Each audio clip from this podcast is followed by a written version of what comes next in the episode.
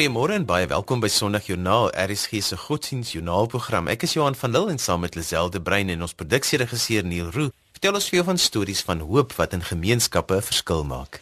Altyd lekker om hierdie tyd van die oggend geloof stories met jou te deel. En soos gewoonlik soek ons al die positiewe goed wat reg oor die land gebeur. Ons gaste vanoggend is Dominee Jan Viljoen wat gesels oor trauma, veral na die brande in Nysna, en Dr Daniel Nel deel met ons haar geloofspad.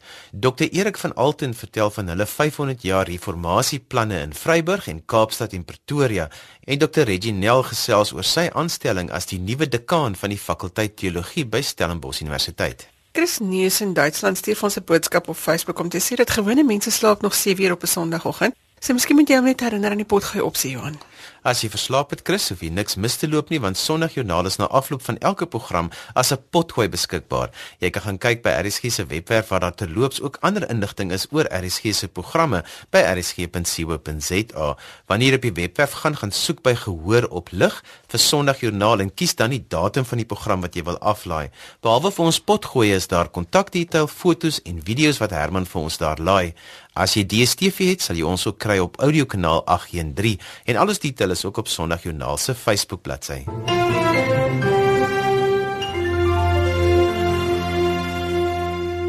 Jan Viljoen is 'n leefstres en traumaberader van Pretoria en hy het die afgelope week in Plettenberg baie gaan traumaberading doen na afloop van die brande in die gebied. Goeiemôre Jan.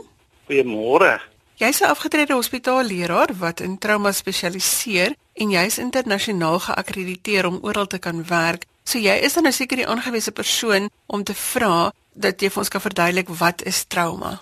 Ja, dit is al kortweg kan ons sê trauma is die gevolg van 'n reeks, ek kan maar sê in hakkies. Dit kan ook 'n enkele gebeure wees of omstandighede wat deur 'n persoon as 'n fisiese of emosionele bedreiging ervaar is en dan het dit natuurlik 'n negatiewe uitwerking op die persoon se fisiese, sosiale, emosionele en geestelike welstand. Die woord trauma kom van die Griekse woord wat ook presies so uitgespreek word, trauma, en dit beteken 'n wond. Net soos mense liggaamlik verwond word, kan hulle ook emosioneel en geestelik verwond word. Selfs gemeenskappe kan geestelike wonde opdoen en dit was duidelik met die brande in die tuinroete gebied. Hoe het jy betrokke geraak by Plettenberg Baai as jy eintlik in Pretoria praktiseer? Want weet jy, ek sien kliënte van reg oor die land en een van my kliënte wat van daar af kom het my bewus gemaak van die emosionele nood van baie inwoners van die gebied. Uh, sy het my vertel dat hulle baie kos en klere en komberse en ander skenkings ontvang het, maar nie trauma ondersteuning het nie en sy het my met Dominee Chris de Pre van die Suiderkruis en Noorderkruis gemeentes in aanraking gebring en hy en sy kollega Willie het hulle kerkraad dadelik getrek en gereël dat ek afkom om hulle vir 'n week te help. Ek weet nie of 'n mens sou kan indink watter emosionele trauma 'n mens deurgaan as jy alles verloor nie, veral deur 'n brand wat so totaal vernietigend is. Hoe lei mens iemand deur so 'n trauma? Dis al die tegniek wat ek gebruik staan bekend as traumatic incident reduction, maar in kortweg sommer bekend as TIR. Met die tegniek lei die beraader die trauma slagoffer herhaaldelik deur die trauma totdat die persoon sonder emosie na die trauma kan terugkyk. En dit is 'n baie effektiewe metode en die verligting is permanent. Mens kan nooit 'n trauma totaal wegneem nie, maar jy kan die negatiewe emosionele lading daarvan verlaag na 'n punt waar 'n persoon weer normaal kan funksioneer. Soos met die brand kan berading emosionele herstel bring, maar die rouproses, dit is nou iets wat bietjie langer vat. Want jy weet as as 'n mens jou aardse goedere verloor het of 'n mens verloor het, dan het jy rouproses. Nou die, die kan jy nie verhaas nie. Jy kan die trauma proses so 'n bietjie aanjaag, maar nie die rouproses nie. Wat is die simptome van trauma? Hoe lyk dit? Kyk kort na 'n trauma insident, sal 'n persoon dinge ervaar soos vermyding van plekke waar die trauma plaasgevind het of soortgelyke plekke of persone wat die trauma veroorsaak het. En hierdie trauma herinneringe bly by mense by wyse van nagmerries, terugflitsse, in Engels praat hulle van flashbacks en hyperbedagtheid. Jy sal byvoorbeeld skrik as 'n deur toeslaan of iemand skielik agter jou praat of as jy iets of iemand skielik gewaar bly hierdie simptome of verdwyn dit weer? Afhangende van die intensiteit van die trauma sal die simptome by 'n normale verwerking van die trauma so oor 'n tydperk van 6 weke afneem. As dit egter nie afneem nie, kan die persoon posttraumatiese stresversteuring ontwikkel. In Engels staan dit bekend as PTSD. Gebeur dit, bly die simptome voorbestaan en kan die persoon skuldgevoelens ervaar, versteurde verhoudings met mense naby hulle ontwikkel en vasgevang bly in die trauma. Dit word tree erge depressie in en verlaag so 'n persoon se energievlakke. Slaap en eetversteurings kan ook intree. Verskil simptome van verskillende gebeurtenisse of het hierdie brand dieselfde simptome wat by mense veroorsaak word? Nee, wat die die die simptome bly maar dieselfde. Uh trauma simptome is trauma simptome. Daar sal miskien seker is nie voorkom nie, maar sê maar byvoorbeeld vermyding van plekke of uh enige plek waar vuur is of so. As 'n mens nou agterkom dat jy hierdie simptome het, is dit te laat om hulp te kry of kan 'n mens dan nog hulp kry? Jy weet jy, ek dink hulp is nooit te laat nie. Die TIR tegniek is baie effektief op vars en op ou trauma. Kon al 'n ou dame van 73 help om die negatiewe effek van 'n molestering op 5-jarige leeftyd te oorkom. En so ook 'n moeder wat haar kind 15 jaar gelede verloor het en dit nie kon verwerk nie. Met hierdie tegniek kon ek ook al verskeie mense kort na plaasaanval, nou kort na die brande, kon ek hulle Dit is baie belangrik dat jy nie trauma onbehandeld laat nie. Groot gebeurtenisse het 'n invloed op almal van ons. Praat met iemand in jou omgewing as jy nie weet waarom iemand te kry nie, dan is daar 'n webwerf wat jou kan help. Die adres is myhulp.co.za en hulle verduidelik vir jou baie mooi wat die stappe is en waar jy kan gaan om iemand te soek om jou te help. Maar ek is seker Jan sal ook vir jou met mense in kontak kan bring wat jou kan help. Jan, jy is in Pretoria. Waar sal jy mense kan verwys? dink die beste is dat hulle my maar kontak by 0812410676 en dan moet ons maar kyk eh, wie is in jou omgewing. Ek het gesels met Jan Viljoen, 'n leefstres en trauma beraader wat vir ons verduidelik het wat trauma is en wat die simptome van trauma is. En onthou, daar is groot goeders soos iemand se dood, jou kinders wat buiteland toe trek, al hierdie dinge kan vir jou trauma veroorsaak. As jy die simptome raak sien, maak seker jy kry hulp. Jan, baie dankie dat jy met ons vanoggend saamgesels het. Dit was 'n groot voorreg. Trauma speel so 'n groot rol in ons almal se lewe. Ons gaan almal daardeur op een of ander stadium en dit was toe die Jan Viljoen wat met Lisel gesels het. Daardie e-posadres net weer is myhulp www.co.za. Goeiemôre as jy sopas ingeskakel het. Jy luister na Sondagjoernaal saam met Johan en Lazel en Neil is ons tegniese regisseur. RSG se webblad is die plek waar jy inligting kan kry by rsg.co.za. Jy kan ook aansluit by ons sosiale media gemeenskap op Facebook. Like die bladsy en al ons programinligting is ook daar gelaai. Jy kan ook vir ons SMS by 45770 teen R1.50 per SMS. Baie dankie vir almal se SMS'e oor die familiebybels. Sodra ons die adres het waarheen jy die foto's kan stuur, dan sal ons dit vir julle hier gee. Jy's ingeskakel op RSG en jy luister na Sondagjoernaal waar ons geloofsaake gesels. Dr. Daniel Nel is 'n senior dosent in publieke bestuur en staatsbeheer by die Universiteit van Johannesburg en sy deel vanoggend met ons haar geloofstorie. Goeiemôre Dr. Nel. Goeiemôre Lisel.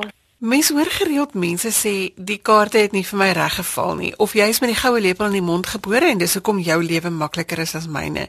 Maar jy's 'n baie goeie voorbeeld van inspirasie vir ons dat jy jou drome kan verwesenlik sonder om bevoorreg groot te word.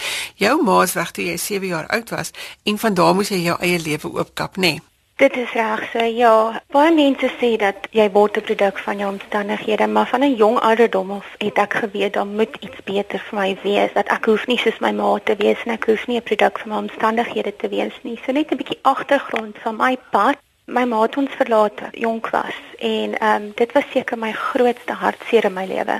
Die dag toe sy ons verlaat het, het my hart in 'n duisend stukkies in verbreek want ehm um, ek het gevoel nie eens hond gooi haar babatjies weg nie. So ek het baie verwerpe gevoel van 'n jong ouderdom af. En later jare was ek in plek van veiligheid geplaas vir 'n jaar en toe in die Jacaranda kinderhuis gewees toe ek in die kinderhuis geplaas was, was dit vir my my my hoop. Vir die eerste keer in my lewe het ek hoop ervaar. Iemand het na my gekyk, na my behoeftes omgesien en ek het veilig gevoel. En ehm um, dit is toe wat ek besef het dat die Here het 'n plan met alles. Want die kinderhuis was vir my 'n uh, 'n redding gewees. En ek was toe oortuig dat ehm um, ek nie hoef 'n produk van my omstandighede te wees. Nou dit was nie maklik geweest nie was 'n groot aanpassing geweest. Ek was geskei van my tweelingbroers wat ook moeilik was, maar ek nie te min ek het toe op skool hard gewerk en akademies presteer en toe was ek die geleentheid gegee en het 'n beurs ontvang. So ek, ek het van jongs af gevoel dat as mens hard werk, sal die regte deure vir jou oopmaak. Ehm um, so ja, ek ek was nog altyd hoopvol geweest en ek het ook gevoel dat niks is ooit finaal nie. Niks is ooit so sleg as wat dit lyk nie. Die koning, jou Here, ons Here het altyd nog geskuif so saam met God is daar altyd hoop, altyd 'n verwagting en altyd iets om na uit te sien en in te glo en altyd iets om voor te bly hoop. So dit was nie maklik nie, maar uh, God het dit moontlik gemaak. Vertel ons 'n bietjie van jou grootword in die kinderhuis. Jy het liefde ervaar, jy het maatjies gehad. Was dit 'n positiewe omgewing geweest? Was inderdaad ehm um, vir my was dit gewees ehm um, want ek het van die huismoeder wat ek gehad het liefde ontvang, versorging ontvang. Natuurlik was dit 'n groot aanpassing in terme van hier is ek nou 'n kind in 'n groot groep kinders saam met ons saamleef, leer saam deel en maar nietemin dit was my beter as my huisomstandighede gewees. My huisomstandighede was nou nie ideaal gewees vir 'n jong kind nie. Dis was ek geplaas in die kinderhuis. Die ek het groot lof vir kinderhuise en nie alle kinders vind dit positief nie. Almal se omstandighede hoekom hulle kinderhuis toe gaan is is anders, maar dit het my baie meer geleenthede gegee as wat ek in my ouer huis sou groot word. So ja, en soos ek sê, my huismoeder was ehm um, regtig vir my soos 'n engel gewees. Ek was baie lief vir haar gewees. En die kinderhuis was 'n goeie kinderhuis gewees. Hulle het mooi na die kinders versien. Ehm um, en ek is vasbeslote vandag as dit nie was vir die kinderhuis sou ek dalk my lewe dalk 'n ander anders uitgedraai het. Nou alhoewel jy nou vandag 'n suksesvolle loopbaan het, het jy wel eers op die verkeerde plekke gaan soek vir oorlewing. Ja, dit is reg. Um, ek mag dalk 'n sukses wees, maar dit is nie perfek nie. Ek het uh, na my moeder weg is, het ek baie verwyd gevoel teen my my moeder, bitterheid en verlang vir jare lank tot en met my jong volwassenheid het ek haar geblameer vir baie van my swaar kry en seer kry in my lewe, soos ek gesê het ek het gevoel verlate gevoel. En op so jong ouderdom die mense wat jou moet beskerm as hulle as hulle jou nie liefhet en beskerm verstaan 'n kind nie wat die redes is wat daartoe gelei het. En ek het nie besef die redes hoekom sy dit gedoen het nie. Tot eers later in my groot menslewe toe ek verstaan het ehm um, die redes en die omstandighede wat daartoe gelei het wat daar wel 'n rede was. So ek het met hierdie onvergifnis en verwyd rondgeloop en dit het my veroorsaak om in die verkeerde plekke liefde te soek en die verkeerde plekke antwoorde te soek. Ek het altyd probeer om 'n leemte in my te vul met eksterne dinge en dit kan dit was verskillende dinge. Te hard werk, nie of te veel sosiaal. Dit was verskillende extreme van verskil van tyd tot tyd. So ja, en ehm um, onvergifnis is is soos 'n gif en dit het my verlang, was dit 'n swaar las vir my geweest. So ek het haar gehaat en verwyd en tot die dag wat sy oorlede is, wou ek haar nie vergewe het nie. En dis toe wat my draaipunt in my lewe gekom het toe sy oorlede is daarna, die finaliteit van haar dood wat ek haar nie wou vergewe nie was vir my so ontnigtering geweest want toe besef ek ek kan nooit weer met haar vrede maak nie want die laaste keer wat ons gesels het was was ehm um, nie 'n goeie ervaring geweest nie en toe moes ek myself vergewe dat ek haar verwyd het en toe my genesing begin. Toe besef ek dat as ek as ek in die verlede aanhou leef, dan sal ek nooit groei nie. En dis toe dat ek my hart opgemaak het vir die Here en hom gevra het asseblief Here, ek kan nie vergewe op my eie nie want ek het nie geweet hoe die pyn was so seer en dit is hoe my pad van genesing begin het en toe ek begin saamstap saam met die Here. Dis 'n proses. Vergifnis kom nie oornag nie en almal se uh, proses van om die verlede te laat gaan is anders. Maar um, ek glo mense moet geduldig wees tot vandag toe nog hierdie Here vir my deurbraak en is is genees my nog steeds elke dag. Ehm um, plekke waar ek nie gedink het daar nog seer was nie. So dit dit dit dis 'n wonderlike pad wat ek saam met die Here gestap het. Ek wil nou juist vir jou vra watter rol speel geloof in jou lewe, maar miskien moet jy probeer om vir ons te verwoord die bevryding wat 'n mens kry wanneer jy vergewe want ek weet 'n klomp mense sit met daai ding van iemand het iets aan jou gedoen en ek gaan jou nie daarvoor vergewe nie. En intussen het daai ander mense heeltemal vergeet wat hulle gedoen het of hulle steur hulle nie eers daaraan nie en jy's die een wat sit met die seer en die pyn Dis waar dis al vergifnis doen 'n mens nie vir die ander persoon jy doen dit vir jouself want ehm um, vergifnis is soos 'n skiet sy wortels in jou lewe vas en dan manifesteer dit soos 'n slegte wortel hou aan groei soos 'n onkruid en ander in ander dele en dit het lei tot alle ander selfvernietigende emosies soos woede en ehm um, ons voel soms dat ons moet geregtigheid in ons eie hande neem en solank as wat ons nie iemand vergewe nie hou ons vas aan daai aan daai seën ons laat dit nie gaan nie en ons voel ons straf hulle as ons aanhou nie vergewe nie as dit sin maak. So ehm um, ja, vergifnis ehm um, doen 'n mens vir jouself. Dit is om jouself te bevry. Ek voel ook dat ons ons het nie die krag in onsself om dit alleen te doen nie.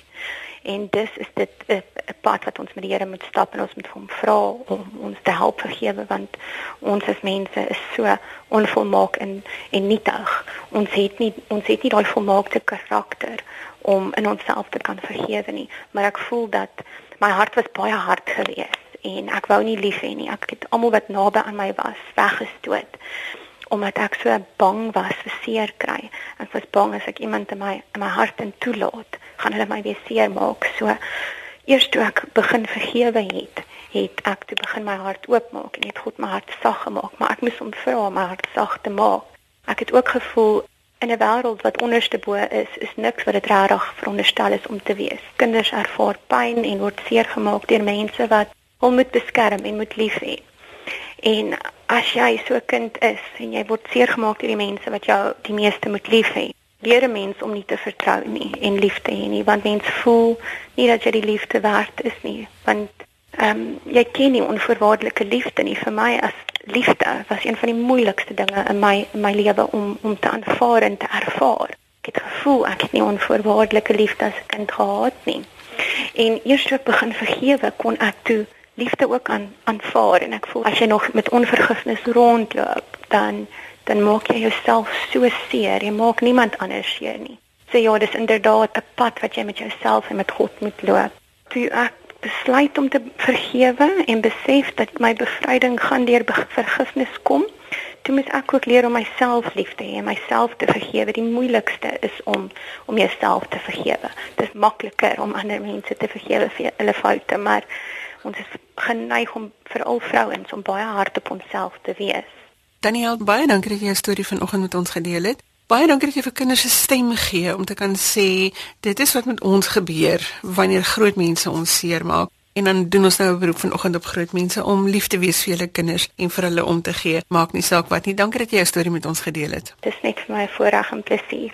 En so gesels Dr. Daniel Nel, senior dosent in publieke bestuur by die Universiteit van Johannesburg. As jy sopas ingeskakel het, sê ons goeiemôre. Jy luister na Sondagjoernaal saam met Johan Lazel en Neil.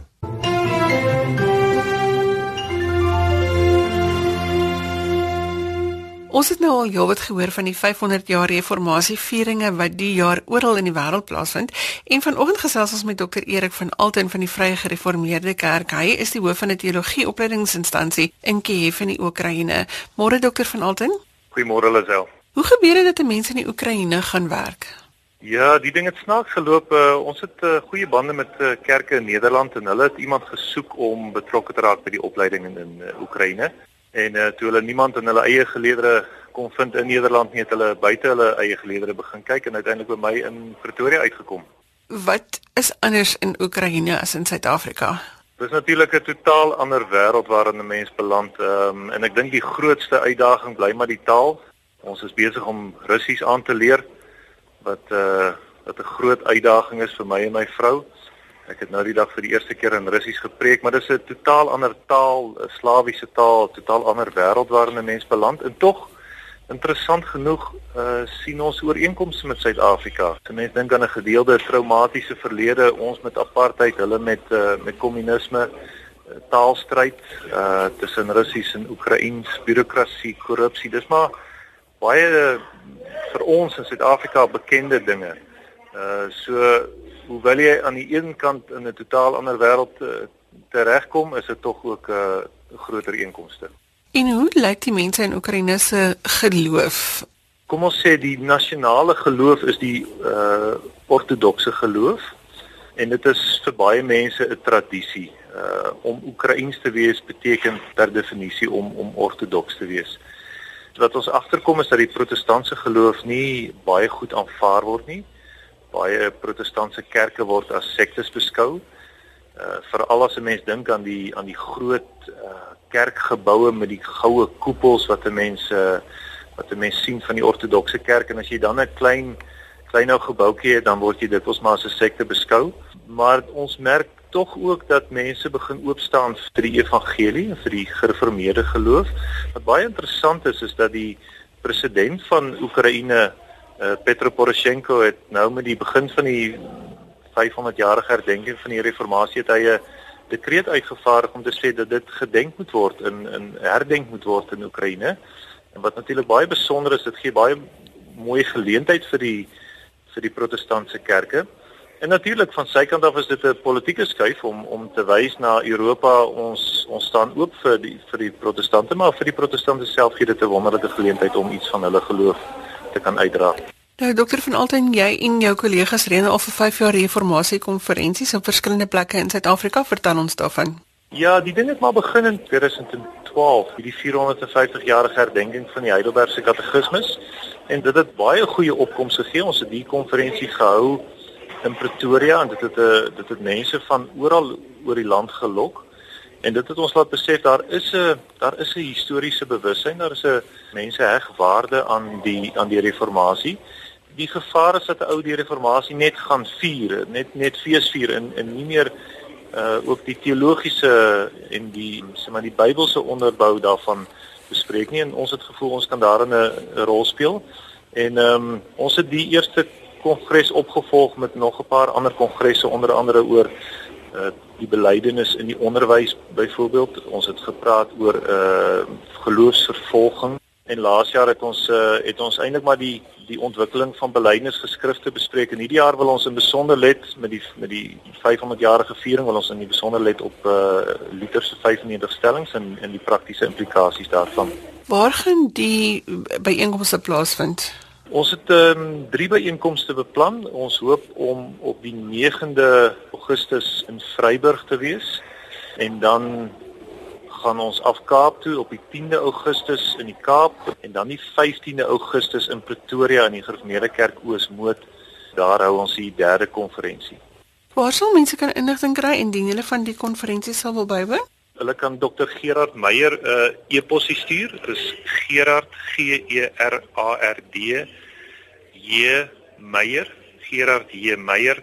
Dis M E I J E R by gmail.com. Ek het gesels met dokter Erik van Alten van die Vrye Gereformeerde Kerk oor die 500 jaar reformatie konferensies wat hulle gaan hou en die kontak is Tony Gerard Meyer. Sy e-posadres is g e r a r d j m e i j e r @gmail.com. Dokter van Alten sterkte met die werk in Oekraïne en baie dankie dat jy vanoggend met ons gesels het. Baie dankie Lisel, dankie vir die geleentheid.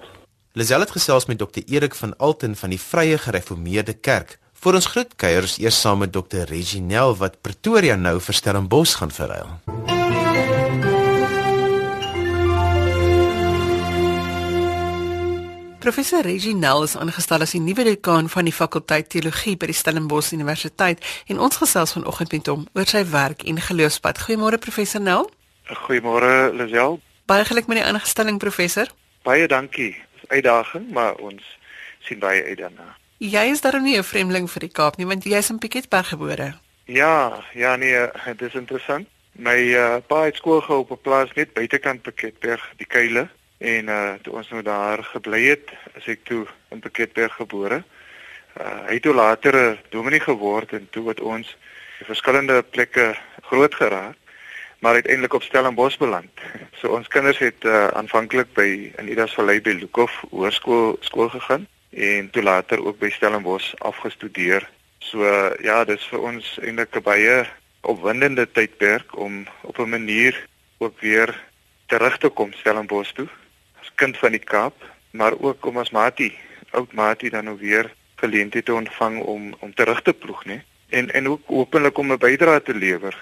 So uh dit is vir ons dit is vir ons baie opwindend, maar daar's natuurlik ook verskeie uitdagings. So ons kan maar sê alle baie lyne stel in bos. Wel, op 'n sekere manier sou ons sou kon sê en uh, uiteraard is Stellenbosch natuurlik natuurlik bietjie anders as toe ons nog laas daar gebly het.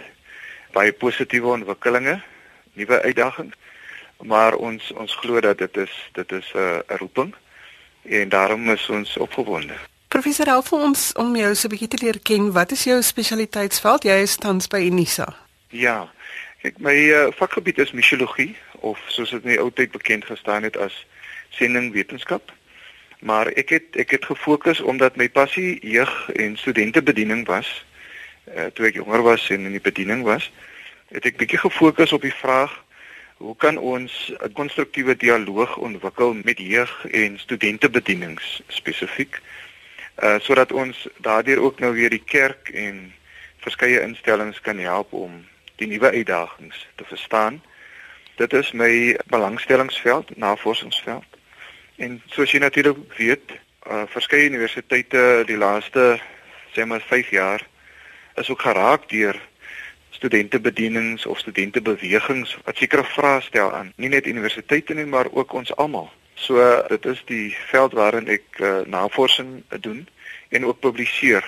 En daarom is dit vir my eintlik goed om vanuit die dekans uh, posisie ook op 'n manier saam te kan dink en saam te kan werk op maniere waarop ons ons studente ook kan uh, ondersteun en hulle kan hoor, maar ook op 'n spesifieke manier te kan begelei sodat die uitdagings nie destruktief raak nie, maar dat dit positief kan uitwerk uh, ter wille van kom ons sê nou maar dan nou die universiteit of 'n uh, breër ook dan nou die kerklike gemeenskap en die breër gemeenskap. So so dis bietjie die agtergrond van my navorsing. Ek dink uh as ons nou uh, opstel in Bos is dan ontmoet mense weer nuwe kollegas en dan word mense weer verder verryk. So so ons sien baie uit daarna. Ek wil nou jy sou sê om nou terug te kom na jou alma mater toe as 'n dekaan moet seker gemengde emosies by jou wakker maak. Beslis. Baie water het natuurlik in die see geloop. Op kampus het daar baie dinge verander. Sedert ek nou laas nog klas gedraf het daar, maar uh, ek ek ek sien dit in 'n baie positiewe lig. Daar is baie positiewe ontwikkelinge op kampus. Kollegas om om mee saam te werk, maar daar is ook nuwe uitdagings. Wat die laaste paar jaar vir ons geleer het ten minste, is dat ons op 'n nuwe manier na mekaar moet luister en ook op 'n nuwe manier met mekaar in gesprek gaan sodat ons van mekaar kan leer. Dis nou kollegas onder mekaar, bestuure, maar ook uh lektore en dosente uh en aan die ander kant is studente. Ek dink een van ons groot uitdagings is ook hoe om te kyk dat ons universiteite uh bates word vir die onmiddellike gemeenskappe. Dis nou waar die hele kwessie van sosiale impak 'n rol speel. So daar is baie uitdagings en nuwe ontwikkelinge. Aan die een kant voel 'n mens miskien oorweldig deur die uitdagings, maar aan die ander kant het 'n mens ook daardie hoop, uh, iets wat uh, professor Russell Botman baie keer oor gepraat het, daardie hoop dat dinge tog kan verander. So dit is dit is iets van ons emosies. So as bietjie dink aan ons toekoms, dan sou ons graag 'n bydrae wil lewer om ook weer daardie hoop te vestig. Uh, 'n uh, bydrae wil lewer om uh, ten minste vir studente van verskillende gemeenskappe, 'n uh, diversiteit van kerklike gemeenskappe om vir hulle ook 'n tuiste te bied waar hulle ten volle kan kan ontwikkel. So so ons is opgewonde, maar ons is ook bewus van die realiteite. Professor gepraat van realiteite. Dink jy die studente by teologiese fakulteite kry genoegsame opleiding vir die uitdagings wat die moderne gemeenskap bied? Ek dink dit is dis 'n baie goeie vraag. En dit is die interessante en ek dink baie spesiale geleentheid wat ons het om aan die een kant as 'n fakulteit in gesprek te wees met ander fakulteite. Byvoorbeeld lettere en wysbegeerte, waar studente met filosofie of met sosiologie of selfs met die uh bestuurswetenskappe of selfs met die wet natuurwetenskappe in dialoog en saamgevorm word. En daardie leer studente ook om uh hulle hulle menings te vorm maar ook om van die te geloofshoek 'n verskil te maak. Ons leer nie in isolasie nie. En aan die ander kant, die wonderlike van situasie by Stellenbosch is dat ons staan ook in verhouding met kerklike vennote. Daar is verskeie kerklike gemeenskappe en sentra uh, wat in vennootskap is met die fakulteit waar dan ook studente weer op 'n wat hulle spiritualiteit vorm of wat hulle vaardighede vorm om met geloofsgemeenskappe of om met uh soos wat ons baie keer sê basisgemeenskappe saam te kan groei. En ek dink as ons hierdie twee in verhouding met mekaar hou, in balans hou, dan word aan die een kant die dialoog met die breër akademiese gemeenskap en aan die ander kant ook die dialoog met geloofsgemeenskappe, dan kan ons 'n basis vorm waar volgens studente gevorm word vir die uitdagings van vandag. En uiteraard moet ons leer van mekaar en uiteraard moet ons oop wees as fakulteit om weer te leer van ons kollegas in die ander uh, velde, maar dan ook uh, geloofsgemeenskappe uh, rondom die fakulteit. Professor Groot dalk wat vir jou voorlê baie geluk weer eens en ons sien uit om van jou te hoor wanneer jy hier op Stellenbosch is. Baie dankie dat jy 'n stukkie van jou hart en jou lewe met ons gedeel het. Ja, baie dankie Lisel en dankie ook vir die geleentheid. Lisel was in gesprek met Dr. Reginel en daarmee is ons aan die einde van vanoggend se program. Dankie vir al ons gaste en ons het gesels met Dominee Jan Viljoen oor trauma. Dr. Daniel Nel het ook haar geloofspad met ons gedeel. Dr. Erik van Alten het gesels oor die 500 jaar reformasieplanne in Vryburg, Kaapstad en Pretoria en Dr. Reginel het gesels oor sy aanstelling as die nuwe dekaan van die fakulteit teologie by die Universiteit van Stellenbosch. Ek groet van my Johan van Lille. Totsiens. Ons hoop jou stem en jou verkoue gaan hou tot dan Johan. Jy kan vir my e-pos met kommentaar of as jy geloofstorie met ons wil deel by lazel@wwmedia.co.za of jy kan ook vir ons 'n boodskap deur die webwerf stuur by rsg.co.za. Tot volgende week groet ek namens produksieregisseur Neil Roo. Tot volgende week. Totsiens.